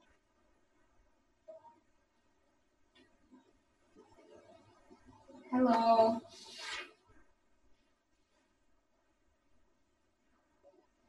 Lagi nanti akan ada Kak Karang dari DIY, kemudian akan ada Kak Adelia Madareta dari Kalimantan Timur, kemudian Pak Wardi. Oh, semuanya sudah bergabung ya bersama kita ya. Halo Pak Dede, selamat siang Pak Dede.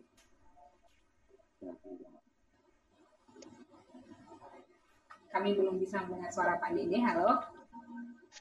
Halo, Assalamualaikum. Waalaikumsalam Bapak. Bisa sedikit lebih keras lagi Pak Dede? Ya. Halo, Assalamualaikum. Waalaikumsalam Bapak. Ya. Bapak kiranya Bapak berkenan untuk menyapa delapan pemenang dari lomba blog dan vlog dari masing-masing kategori Bapak. Ya. Silahkan. Boleh ditayangkan nama-namanya? ya. Saya kebetulan pakai HP jadi tidak bisa melihat secara keseluruhan. Ada Pak Kapus di situ? Ada, Iya, biar Pak Kapus saja yang menyapanya. Oh, baik, Bapak. Sepertinya memang harus turun tangan sendiri nih, Bapak. Pusat tercinta kita, Bapak Hidarman, untuk dapat menyapa para pemenang.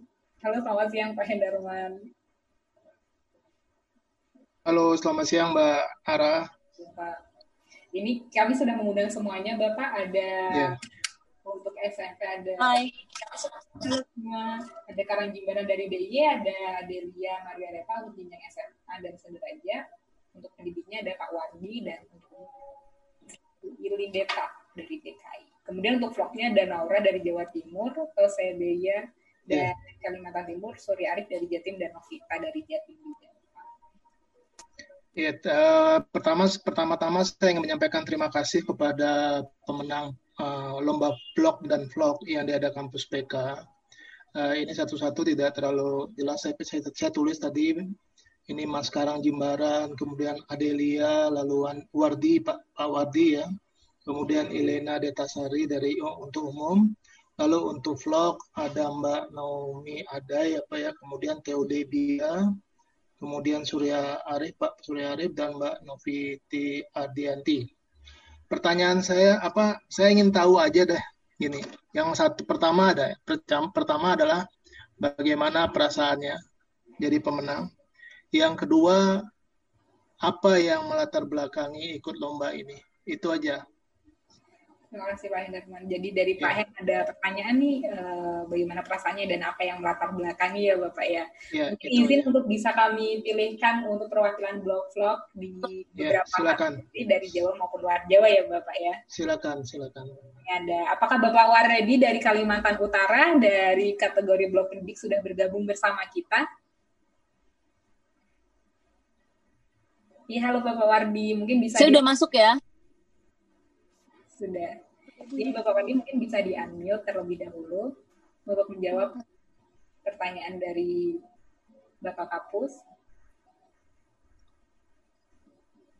Halo Pak Wardi. Selamat Pak Wardi. Selamat Pak Wardi. Kedengaran Pak suara saya?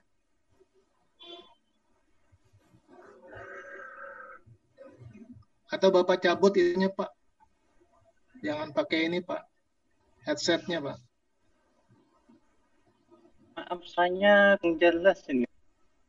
Suaranya belum jelas. Kalau sekarang bagaimana Bapak?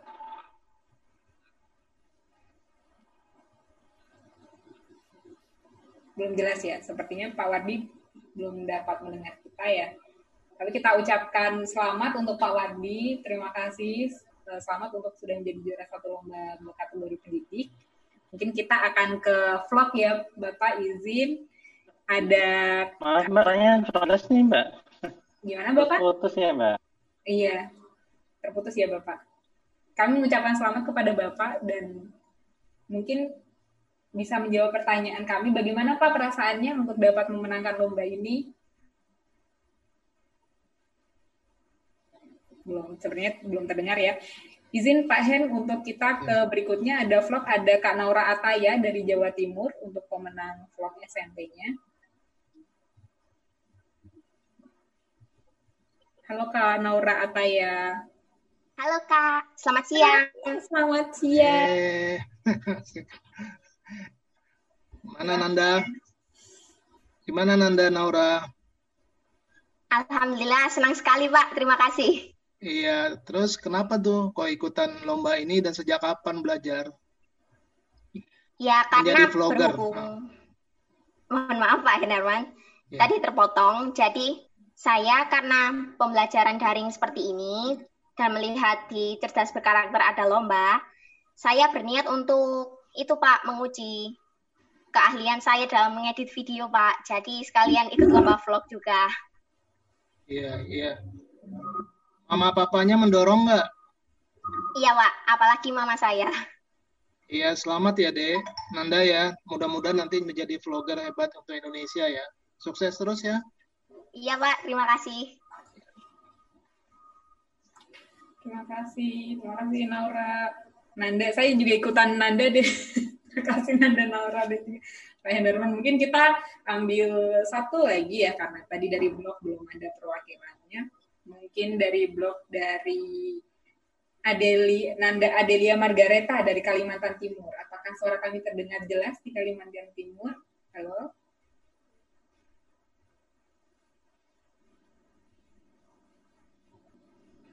Iya. Iya. Halo. Adel. Adel. Halo Nanda Adel. Silahkan Pak Hen. Halo, selamat siang, eh, Adelia. Siang, Iya. Pak. Iya, gimana perasaannya menang? Lalu kemudian yang kedua, apa sebenarnya cita-citanya ke depan?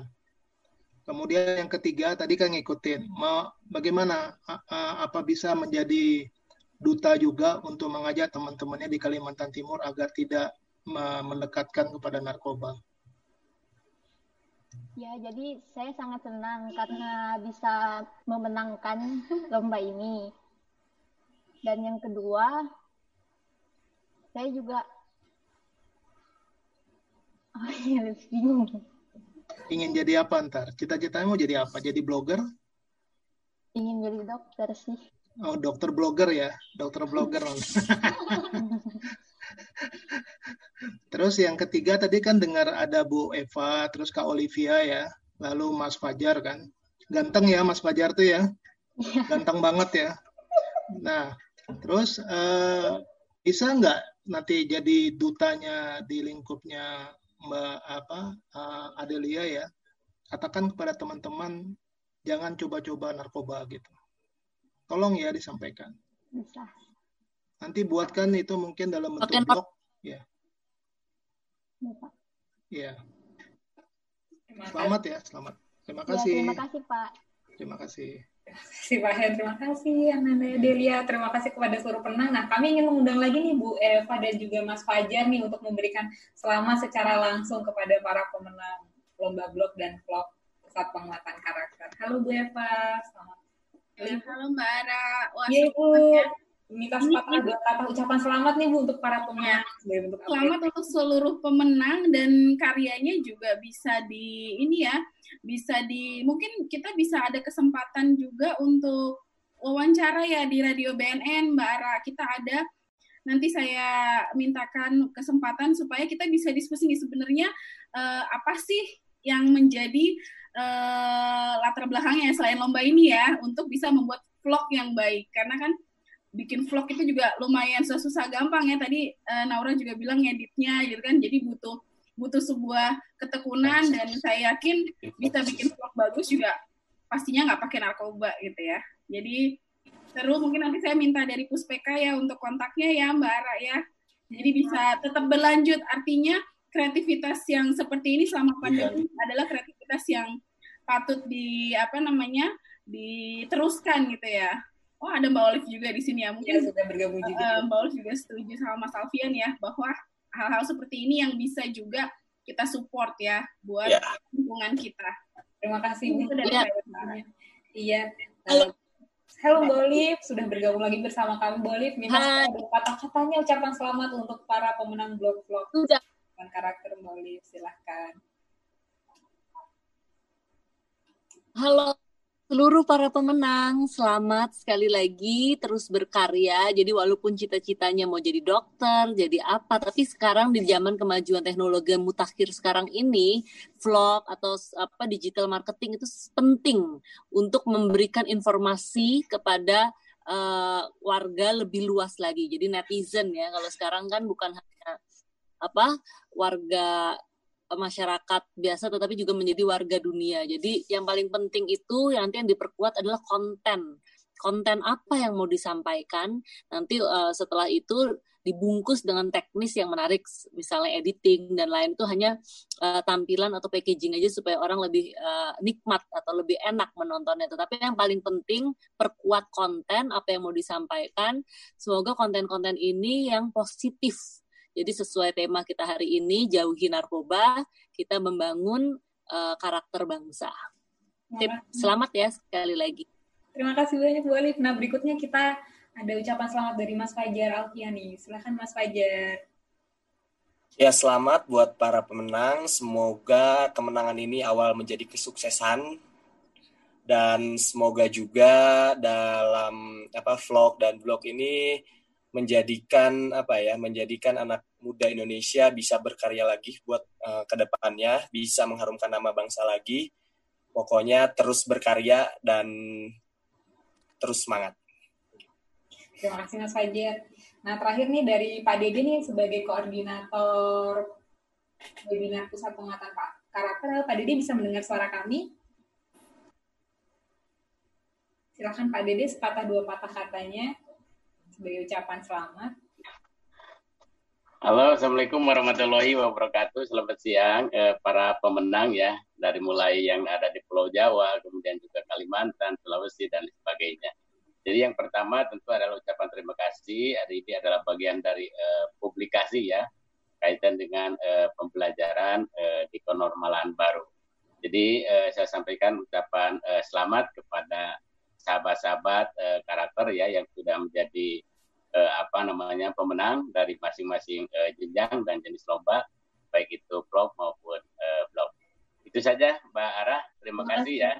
Salam sehat Nah, untuk semuanya. Salah satu tambahan bentuk apresiasi dari panitia, kita akan foto bersama nih kepada seluruh pemenang bersama dengan Kepala Pusat Penguatan Karakter Bapak Hendarman dan juga Bapak Dede, selaku koordinator webinar Puspeka dan juga bersama para narasumber. Ada Mas Fajar, Mbak Eva, dan juga ada Mbak Olive. Kita akan foto bersama terlebih dahulu.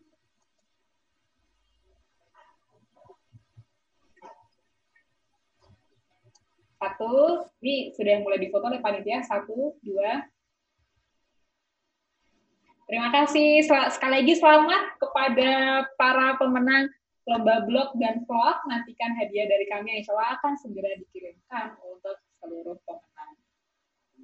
Berikutnya, Oke. sahabat karakter, berikutnya sahabat karakter kita akan melakukan presensi dan juga survei akhir. Nah, untuk sahabat karakter yang mengikuti webinar ini dari awal sampai akhir, silakan untuk sahabat karakter bisa mengisi presensi dan juga survei akhir bagaimana tautan yang sudah disediakan oleh panitia. Tapi sebelum itu, kita ada closing statement dulu dari Pak Hendarman, Kepala Pusat Penguatan Karakter. Halo Bapak, Halo Mbak Ara. karena tadi sudah Bapak hantarkan kan perlu untuk Bapak tutup, ya kan? Ya, Silakan ya. Bapak. Ya baik Mbak Mbak Ara, sahabat karakter yang saya banggakan. Kemudian tadi Mbak Olivia Zalianti, ya, yang luar biasa sekali sudah berbagi dan menumbuhkan semangat serta motiv memotivasi sahabat karakter. Hai. Ya Mbak Olivia, termasuk aku juga termotivasi Mbak, ya oleh apa yang tadi Mbak Olivia sampaikan. dan mudah-mudahan kasih, Pak. Terima kasih. Iya, Kita iya bisa- Mbak. Siap Mbak Olivia. Lalu kemudian terima kasih juga kepada Bu Eva atau Mbak Eva lah saya panggil ya, yang tadi sudah menyampaikan betapa berbahayanya, kemudian apa yang seharusnya tidak dan harusnya iya dilakukan oleh generasi Z dan milenial, dan kemudian bahaya-bahaya yang terjadi. Dan kemudian tadi Mas Fajar Alfian, saya harus bilang ke Mas Fajar, aku salah satu fansnya Mas ya. Jadi cuma Terima aku kasih, kalau Pak.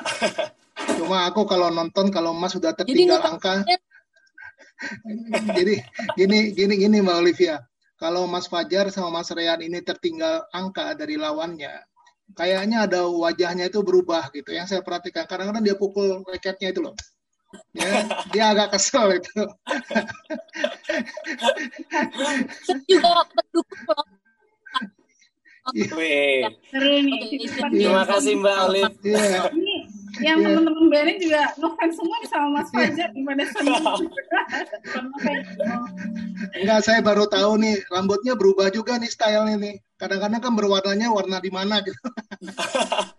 Sama Rian Iya, gitu Pak. kan. Kadang-kadang Iya. berubah warnanya. Iya betul.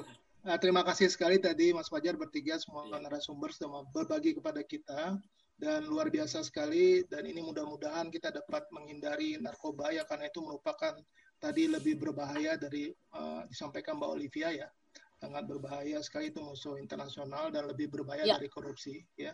Jadi tolong adik-adik sahabat karakter ya eh, hindarilah dan jangan mencoba-coba, jangan sekalipun mencoba sebaiknya menghindari karena ketika kita sudah menjadi pengguna itu susahnya minta ampun untuk keluar dari uh, tempat uh, dari apa ke, ke, uh, ke- keterjebakan itu sendiri. Dan sekaligus saya juga ingin menyampaikan terima kasih ini kepada Mbak Ara ya, Paradita Zana. Namanya juga Zulfa Nadia. Saya panggil biasanya Ara. Terima kasih Mbak Ara sebagai pemandu acara ya. Luar biasa ya. Ya, jadi nanti kemungkinan ke depan juga akan menjadi pemandu lagi. Kemudian harus juga saya sampaikan uh, terima kasih kepada Mbak Nurlailah, penaja- penerjemah bahasa isyarat. Terima kasih Mbak. Tadi saya ingin ikutan ketika Mbak difoto seperti ini. Saya juga ikutan seperti ini. ya, dan pastinya saya ingin menyampaikan terima kasih kepada teman-teman yang di belakang layar ini. Mbak Olivia, Mbak Eva, Mas Fajar ya di belakang layar itu mereka sekarang masih ada di kantor hari ini. Di gedung C lantai 18 ya ya jadi saya juga sampaikan nanti selesai acara ini jangan lama-lama di kantor. Segera pulang istirahat gitu ya karena kita tidak tahu situasinya. Dan kepada Pak Dede sebagai ketua penyelenggara lomba vlog dan blog serta tim penilai dan juga tim kurator ya yang sudah luar biasa bekerja keras terima kasih juga. Dan pastinya kepada para pemenang ya seperti sampaikan Mas Fajar tadi, ini adalah awal dari suatu proses ya.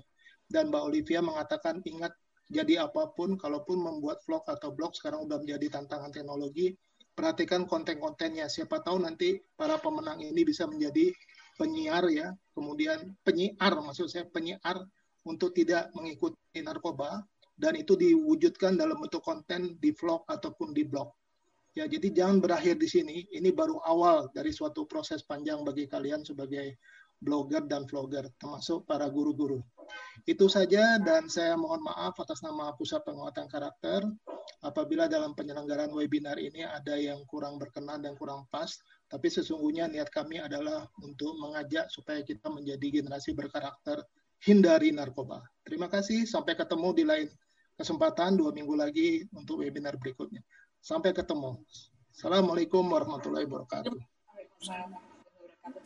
Waalaikumsalam warahmatullahi wabarakatuh. Oke. Terima kasih. sudah Waalaikumsalam warahmatullahi wabarakatuh. Sampai yang sudah saya janjikan bahwa akan ada satu lagi nih lomba atau kompetisi dari pusat penguatan karakter untuk 10 terbaik yaitu adalah lomba refleksi feed Instagram. Nah ini teman-teman mekanismenya adalah aku sudah ikut webinar Puspeka Kemdikbud. Kamu jadi mekanismenya yang pertama sahabat karakter silakan mengunggah foto selfie atau screenshot atau video bukti kamu webinar dan sertakan tulisan caption refleksi setelah mengikuti webinar ini di Instagrammu. Kemudian pastikan unggahannya kreatif sesuai tema dan memberikan inspirasi dan motivasi. Tag akun cerdasberkarakter.com di RI Dan jangan lupa hashtag cerdas berkarakter dan hashtag sahabat karakter. Ini harus ada banget ya sahabat karakter. Kemudian jangan dikunci akunnya agar panitia bisa melihat dan melakukan penilaian. Isi formulir keikutsertaan pada tautan Gitli garing refleksi uh, strip GBHR. Kemudian kirimkan selambat-lambatnya hari ini, Sabtu 26 September 2020 pukul 23.59 waktu Indonesia Barat. Jadi kami tunggu nih sampai nanti malam. Sampai nanti malam. Kemudian 10 pemenang terpilih akan diumumkan pada hari Senin atau Nah, itu sahabat karakter semoga nanti banyak yang mengikuti. Tapi sebelumnya tadi sudah diumumkan ya bahwa sahabat karakter perlu untuk mengisi daftar hadir dan juga mengisi survei akhir. Tadi sepertinya belum terlalu ditampilkan terlalu lama. Nanti sahabat karakter bisa mengisi daftar hadir dan juga survei pada tautan tersebut bit.ly garing presensi strip GBHR. Dicoba harus sama persis seperti itu ya sahabat karakter karena banyak keluhan kalau salonnya tidak bisa diklik, tidak bisa terpaut. Ah, berarti kalau tidak bisa terpaut mungkin ada salah ketik baik itu kata atau mungkin tanda baca. Jadi pastikan sesuai di bit.ly underscore presensi garing presensi strip GBHR. Nah, itu tadi uh, untuk presensi dan survei akhirnya sahabat karakter. Tidak terasa, kita sudah berada di penghujung acara. Terima kasih banyak sekali lagi kepada para narasumber. Terima kasih banyak buat Mbak Olive, Mbak Eva, kemudian Mas Fajar, dan juga terima kasih banyak untuk Bapak Hendarman dan juga tentu saja koordinator webinar ada Bapak Dede Suryaman. Uh, terima kasih juga dari saya dan saya selaku moderator yang mendampingi sahabat karakter selama dua jam ini. Mohon maaf apabila masih banyak kekurangan dan juga banyak kesalahan. Terakhir dari saya, pesan terakhirnya adalah bahwa setiap dari kita itu berharga. Maka mari kita jalani hidup dengan lebih bermakna, mencoba menggapai mimpi dari masa ke masa. Karena itu kita harus jauh-jauh sejauh-jauhnya dari narkoba. Saya pada Dita Zulfanadia undur diri. Assalamualaikum warahmatullahi wabarakatuh.